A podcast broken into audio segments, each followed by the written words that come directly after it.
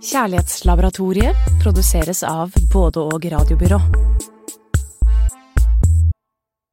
Kjærlighetslaboratoriet med psykologene Sissel Gran og Katrin Eide. Ja, her sitter Katrin og jeg i vårt kjærlighetslaboratorium, og det vi skal gjøre her, igjen, det er å utforske det store temaet kjærligheten. Hva er kjærlighetens bestanddeler? Når blir noe kjærlighet? Hvordan varer kjærlighet? Hvorfor knuses den noen ganger? Og hva kan man gjøre for å få den til å vare? Og en rekke andre spørsmål. Vi skal egentlig by på alt du trenger å vite om kjærlighet. Ja, det skal vi. Og hva er dagens tekst, Katrin? Dagens tekst er forelskelsen.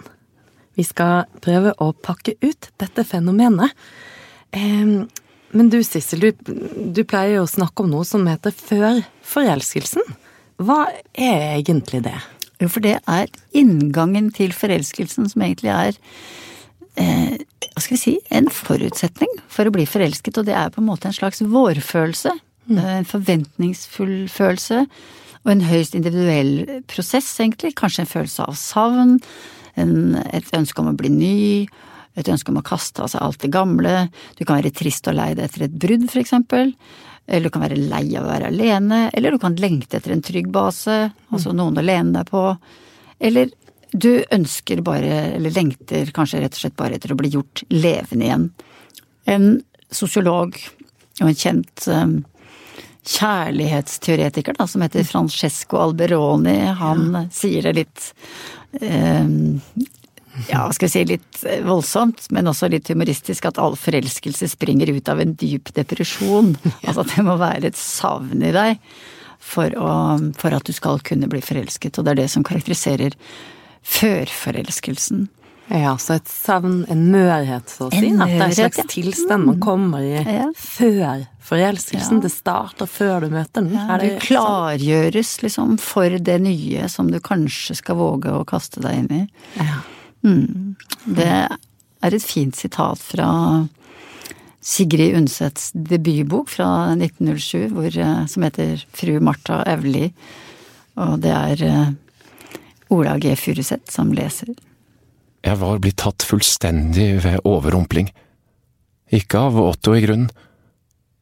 Det var kilder, det var sprunget frem i mitt eget vesens grunn. Jeg satt og lyttet fortapt til den nye musikk. I de lange aftener, når vi hadde sagt hinanden god natt, og jeg var kommet hjem til meg selv, satt jeg bare stille og lyttet. At vi var så forskjellige, det følte jeg den gang som en fryd. Jeg gikk i en evig henrykt overraskelse over at vi, som var så forskjellige, hadde funnet hinanden. Det er Martha som i et tilbakeblikk tenker på den gangen hun og Otto fortsatt var lykkelige sammen, da. Og mm. at det var egentlig ikke Otto som hadde utløst forelskelsen i henne, men det var hun som var så endringsklar, hun var lei av det borgerlige livet hun levde.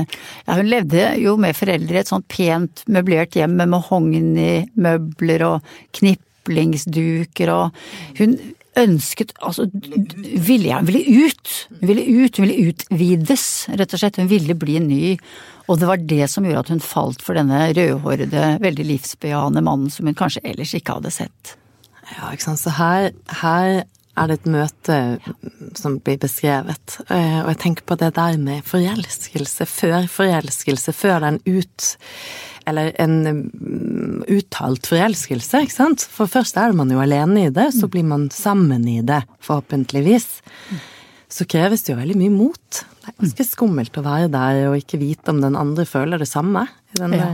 Når du har møtt den, ja. ja når, og når man begynner å lure på Ja, overgangen kanskje overgangen, nesten, tror jeg jeg er. Forelsket og inni i forelskelseaktig et eller annet der. Før det liksom blir denne store, ville følelsen som vi skal beskrive nå senere. Det er jo en vekstfølelse, for det først så er det en vekstfølelse i deg, altså at noe i deg åpner seg for å ta en risiko. Mm. Du må være klar for å gjøre det for å kunne bli forelsket i det hele tatt. Ja. Og hvis du da, i, den, i, det vinduet eller den luken som er åpen i deg da, da treffer ja. noen som på en måte slår av noen strenger i deg, og eh, som gjør at det begynner å vibrere i deg, så kan det hende at du blir forelsket i den personen. Ja, så det er det når man sier det må være timing, riktig timing, eller noen kan si åh, jeg er ikke helt der, eller jeg er ikke sammen med noen, men jeg er ikke, man er ikke helt klar, rett og slett. Ja, det kan jo være sånn at du ikke er ferdigsørget over et forhold du har gått ut av, eller eh, at du har blitt forlatt. Eller at du er så opptatt med masteroppgaven din at Ja. du, du greier ikke å se Det kan kanskje være en annen som syns at du er veldig flott, men du er ikke der i det hele tatt. Du er ikke klar. Eller um, du er um, så engasjert i jobben din at du trenger ikke noe annet enn en enn jobben din. Så du er ikke åpen for det. Men så kan noe skje som gjør at den vårfølelsen kommer, at du blir forventningsfull, og at, du, at noe i deg At du er klar for At du er å mer klar. motta. Ja, at du er mør, rett og slett, som du sa i stad. Ja, så før forelsket kommer først, så går vi inn i forelskelse. Ja. Er vi heldige, ja. Ja, hvis vi er heldige. Skal vi gå inn dit? Vi? Nå går vi inn dit. Ja. Og da Da er jo det Altså først, la meg beskrive hvordan mm. denne vekstprosessen Mm. Ja. da, kan eh, kjennes Mm. når du har fått dette gjensvaret. Altså at den andre eh, har sagt ja til deg. Jeg var på en telttur i England, eh, i Skottland, da jeg var svært ung og svært forelsket. Jeg var 18-19 år. Og mm, vi skulle campe. Og vi hadde bil, og vi kjørte rundt for å finne et egnet sted og slå opp det lille shabby teltet. Og vi fant ikke noe egnet sted. Og den engelske kjæresten min skammet seg veldig over at han ikke kunne by meg noe bra, fordi han hadde skrytt av de fine campingplassene i Skottland. Og så sa jeg, for jeg var veldig forelsket, det gjør ingenting, vi kan vel bare spørre en bonde om vi kan slå opp teltet på et jorde, det, alt er i orden for meg. Alt, jeg syns alt er fint, jeg. Og så syntes han det var fantastisk, og så spurte vi en bonde, og bondemannen sa jeg bare slå opp teltet her på jordet, det er helt i orden, det er ikke noen fasiliteter her, det er en utedo bak låven, og dere kan hente vann borti her og sånn, men jeg sa det er kjempefint. Og den kjæresten min, han var helt fjetret over da denne vikingpiken fra nord, som var altså så fleksibel, og som var så tolerant, og som, han, som var så grei å være sammen med. Vi fikk så vidt sove i det teltet, for det var jo krøtter der som subba inn på teltduken, og det var kling-klang bjeller, og det var vondt å sove der, for det var humpete, vi hadde dårlig liggeunderlag og sånn, og så han var veldig bekymret morgenen etter hvordan har dette her gått, liksom. Da sa jeg at det var bare kjempefint, jeg sov kjempegodt, og han sa at jeg kjenner ingen sånne piker som deg. Det fins ikke sånne engelske jenter, det fins i grunnen ingen sånne som deg. Og det som var så interessant, vet du, at jeg, jeg, jeg syns han hadde helt rett, for jeg var altså helt spesiell, jeg. Jeg var blitt ny, jeg. Jeg var blitt large, jeg var blitt det mest tolerante, vidsynte, varme og vennlige mennesket på Guds grønne jord, og jeg trodde det skulle vare. Ja. Det gjorde det ikke. For snart så fikk han jo se hvor grinete jeg kunne være, og at jeg ikke var en så fantastisk large, tolerant, varm og vennlig ung person. Men den følelsen av å være helt fantastisk, og så ta inn i seg da Jeg tok jo inn i meg hans syn på meg som helt fantastisk. Det var berusende de ukene det varte. Det var en vekstprosess. Det var en vekstprosess, og så ble det ikke Ble, man, ble det ikke der? Men man kan tenke at du var jo den også, i tillegg til at det var den sure og tverre innimellom Ja, ja, ja. også. Men plutselig så ser vi bare det tverre, da. Det er jo Men dette er jo det. Mm. Altså hele denne vekstprosessen i forelskelsen spiller jo på lag Mm. med eh, vårt grunnleggende behov for å utfordres og strekke oss og Mm. utvikle oss, ikke sant. Og andre verdifulle relasjoner som vennskapsrelasjoner og kollegafellesskap og sånn bidrar jo også til å utvikle oss som mennesker, men kjærlighetsforhold er en nøkkelarena for personlig vekst. Altså når vi inkluderer den andre i vårt eget selv, for å si det sånn, så ekspanderer vi. Vi, blir For større. det er det som skjer Ja, det er det som skjer. Mm. Vi ekspanderer, rett og slett, altså. Og det er ikke en viljestyrt prosess, det bare skjer. Det er en veldig sterk følelse, men også en kroppslig erfaring. Verden blir ny, og man blir selv ny.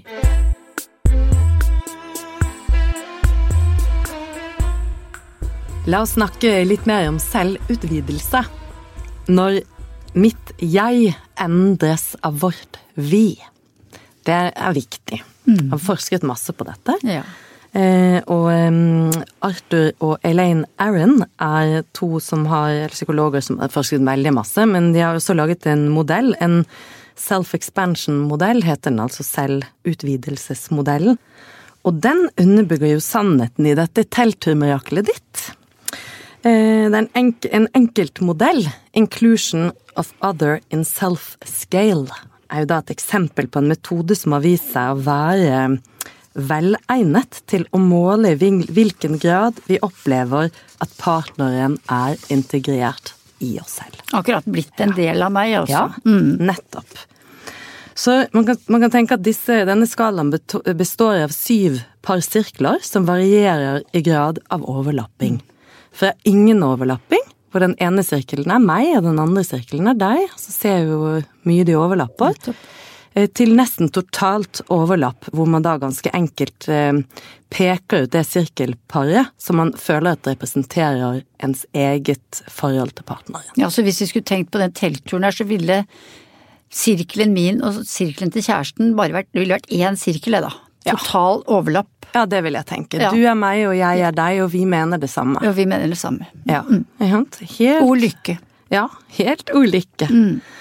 Um, og da, den, den, her skalaen har blitt brukt til mange studier, og viser at den fungerer godt da som et instrument for å kunne måle graden av nærhet mellom to personer. Ja. Og det å mestre noen sammen, og lære noe nytt sammen, eller det å være på telttur på denne måten sammen, som det dere gjorde, takle en fysisk utfordring sammen, kan øke denne følelsen av overlapp. Yes. Og, eh, så denne eh, studien eh, til Aaron viser da f.eks. at par peker ut sirkler med større grad av overlapp etter at de har taklet noe vanskelig, enn det de eh, peker ut før de gjorde noe vanskelig. Mm. Så det vi kan helt enkelt si da, er at for å øke følelsen av hengivenhet, så bør man søke opplevelser hvor man utfordrer seg selv sammen. Si ja til å være med på dansekurs. Si ja til å være med på dansekurs. Ja til å gjøre ting som er litt utenfor komfortsonen, veldig utenfor komfortsonen. Mm. Gjøre det sammen, mm. og så på en måte prøve å mestre det. Mm. Ja. Så da Ola, mannen min, med en gang sa vi kan ikke vi overnatte i snøhule, og jeg sa nei, så var det skuffende for han, det vet jeg. Det Veldig skuffende. Han kommer aldri over det. Nei, du må be han kanskje på nytt, du. Det blir ikke noe av det med snøhule. Nei.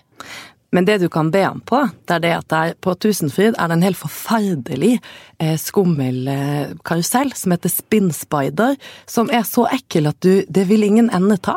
I sommer så gjorde jeg det, tok den med min partner. Mest gjorde vi det for å tøffe for de andre, for det ble en slags sånn forventning, og barn sto der og bare 'Kom igjen, kom igjen, Steinar!' Sånn. Så gjorde vi det, og fikk en sånn Altså, der, snakk om overlappende sirkler etterpå. Så det er min utfordring. Det kan du jo be Ola på.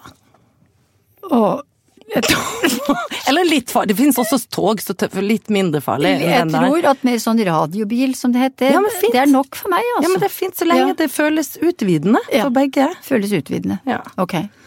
I eh, Karl Ove Knausgårds bok fem av eh, det store verket Min mm. kamp, så beskriver han jo sin Altså den gryende forelskelsen i, i Tonje. Og det er uh, Ola G. Furuseth som leser. Hele dagen gikk det plutselig lyn av glede gjennom meg. Det hadde hendt noe fantastisk. Men hva? Ingenting hadde hendt. Vi hadde pratet litt, det var alt. I ett år hadde hun jobbet her. I ett år hadde jeg sett henne til og fra, og hun meg. Aldri hadde jeg følt noe av det jeg følte nå. Ikke en eneste gang. Ikke engang vært i nærheten. Så hadde vi møtt hverandre på en fest, smilt til hverandre, og det var det. Ja, det var det. Hvordan var det mulig? Hvordan kunne det forandre alt? For alt var forandret, det visste jeg. Hjertet mitt sa meg det. Og hjertet tar aldri feil. Aldri, aldri feil, ta hjertet. Dagen etter hadde de møte i samfunnsredaksjonen. Jeg hadde ikke tenkt på det, men selvfølgelig skulle hun være med på det. Blikket hennes streifet meg så vidt da hun kom. Det var alt. Og hun smilte, like som for seg selv, men ellers vekslet vi ikke et ord, det var som om jeg ikke fantes. Jeg så på dem gjennom vinduet til møterommet der de satt og pratet og gestikulerte lydløst. Hun så på meg, smilte fort, så bort. Hva betydde det? Inn gangen kom Tore. Hvordan går det, Carl? sa han. Jeg er noe så inn i helvetes forelsket, sa jeg. Det gjør vondt i kroppen, i leddene. Jeg verker i leddene. Det gjør vondt i magen. Det er ikke gøy, det er bare vondt, alt sammen. For han er så redd sannsynligvis også for at dette skal gå i stykker, og redd for å gå inn i det. Og sånn er det jo, at det kan være veldig smertefullt. Ja, det er det. Godt og smertefullt samtidig, ikke sant. Og dette blir jeg avvist, blir jeg tatt imot, er det riktig, kommer det til å vare? Og bare uten og det er liksom dette med at innimellom så er det sånn at det er tomt, ingen tanke, men hele kroppen jobber på høyre Ja. likevel. Man er jo sprø. Altså det er jo en veldig motsetningsfylt følelse av frykt og glede. Ja. Spørsmålet mitt til deg nå, det er har du tatt sjansen? Noen ganger i ditt liv. Ja, jeg har det, altså. Den eh, enorme mobiliseringen av mot for å tørre å eh, åpne hjertet. Det har jeg gjort. Eh, og jeg husker at jeg på et eller annet eh, stotrende, rødmende vis klarte å si du, jeg tror jeg eh, er forelsket i deg. Og så var det noen sekunder der, heldigvis bare veldig få, hvor, jeg, hvor bare tiden sto stille, og jeg døde litt, men så hørte jeg Åh, det er jeg i deg også. Tingeling! Tingeling. Lykke. Ja. Ja. Og der eh, skulle det jo vært en liten salutt, og du kom jo med den nå, ikke sant? Det, vi, vi kan jo gå Han Alberoni, som vi allerede har snakket om, kaller jo akkurat dette øyeblikket for parforholdets big bang. Her starter det. Vi hopper inn i forelskelsen sammen. Og hvordan kjennes det? Altså hvordan kjennes det fysisk? For det er jo en helt spesiell tilstand, ikke sant? Ja, det er en så eh, hva skal vi si, så sterk og overveldende tilstand. En sånn på randen-tilstand. Helt floated eller over... Eh, Overveldelsestilstand. Men i positiv forstand Ja, også. også. Absolutt. Både vondt og godt, som vi snakket om i sted, på en gang. Det er som at det, man ikke trenger å puste, eller får ikke puste, og jeg trenger å puste hele tiden, eller alt på en gang, da. Du slutter å Eh, spise, Ja.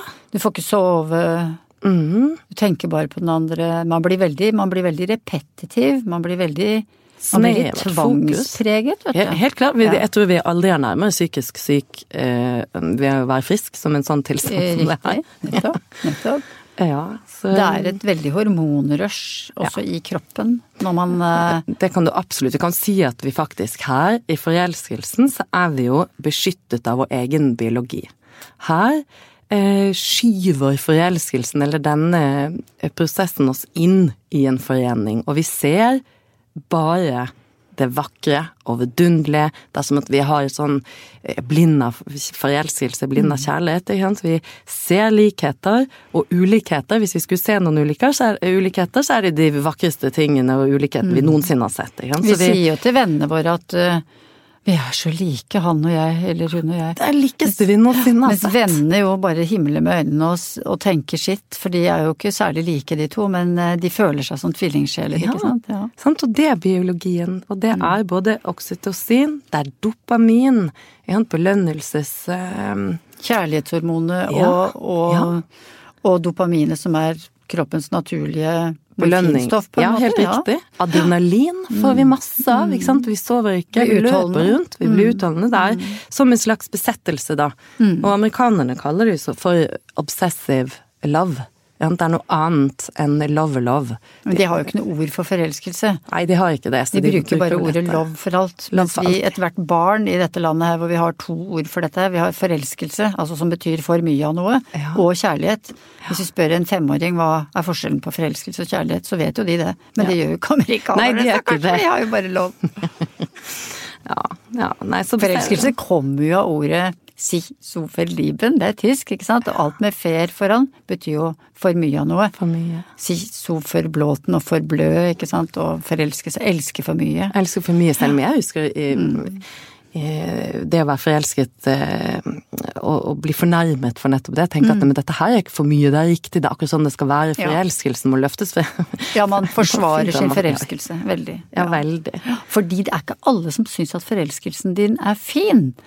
Fordi noen kan synes at forelskelsen din er dum, og at du er forelsket i feil person, og at du har snappet en person, kanskje. Så, Eller at du er forelsket i en som andre ikke setter pris på. Så man blir veldig Det er veldig hva skal, Denne Alberone igjen, som vi har snakket om et par ganger, han kaller jo forelskelsen for en kollektiv bevegelse for to. Altså at det er en slags revolusjon for to, hvor de to tør veldig mye.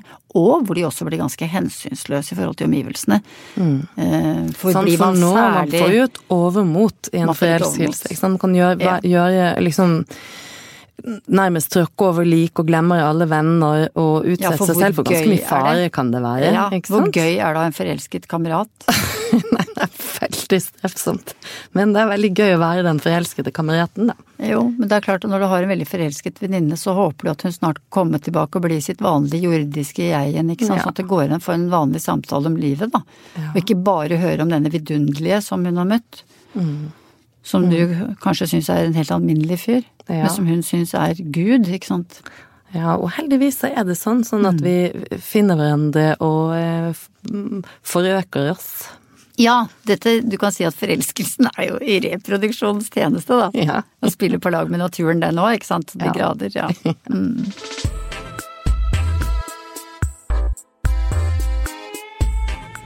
Nå er det jo ikke sånn at det alltid blir kjærlighet av en forelskelse, ikke sant. Fordi de aller fleste forelskede par når på et eller annet tidspunkt det vi kan kalle for forfallspunktet. Mm. Og det er Det er der hvor du ser den brune prikken på bananen, altså. Der hvor du virkelig ser at oi, da liksom hun prater jo hele tiden, hun kjører søppelbil, ikke sant. Og akkurat han er jo et ryddedyr. Ja. Mm, ja. Og det, der kan jo øh, denne veldig sterke opplevelsen av å ha funnet sin tvillingsjel faktisk reverseres. Altså. Ja, her blir forelskelsen virkelig satt på en alvorlig prøve. Mm. Og noen forhold slutter jo der, mens andre går inn i kjærligheten. En begynnende tilknytning og et begynnende emosjonelt bånd. Ja. Og det skal vi gå videre på senere. Utforske mer av hva denne kjærligheten er. Og med dette så skal vel vi to sette en strek? Foreløpig Ja. for eh, Kjærlighetslaboratoriets utforsking av kjærligheten kommer til å fortsette, men i dag er det slutt.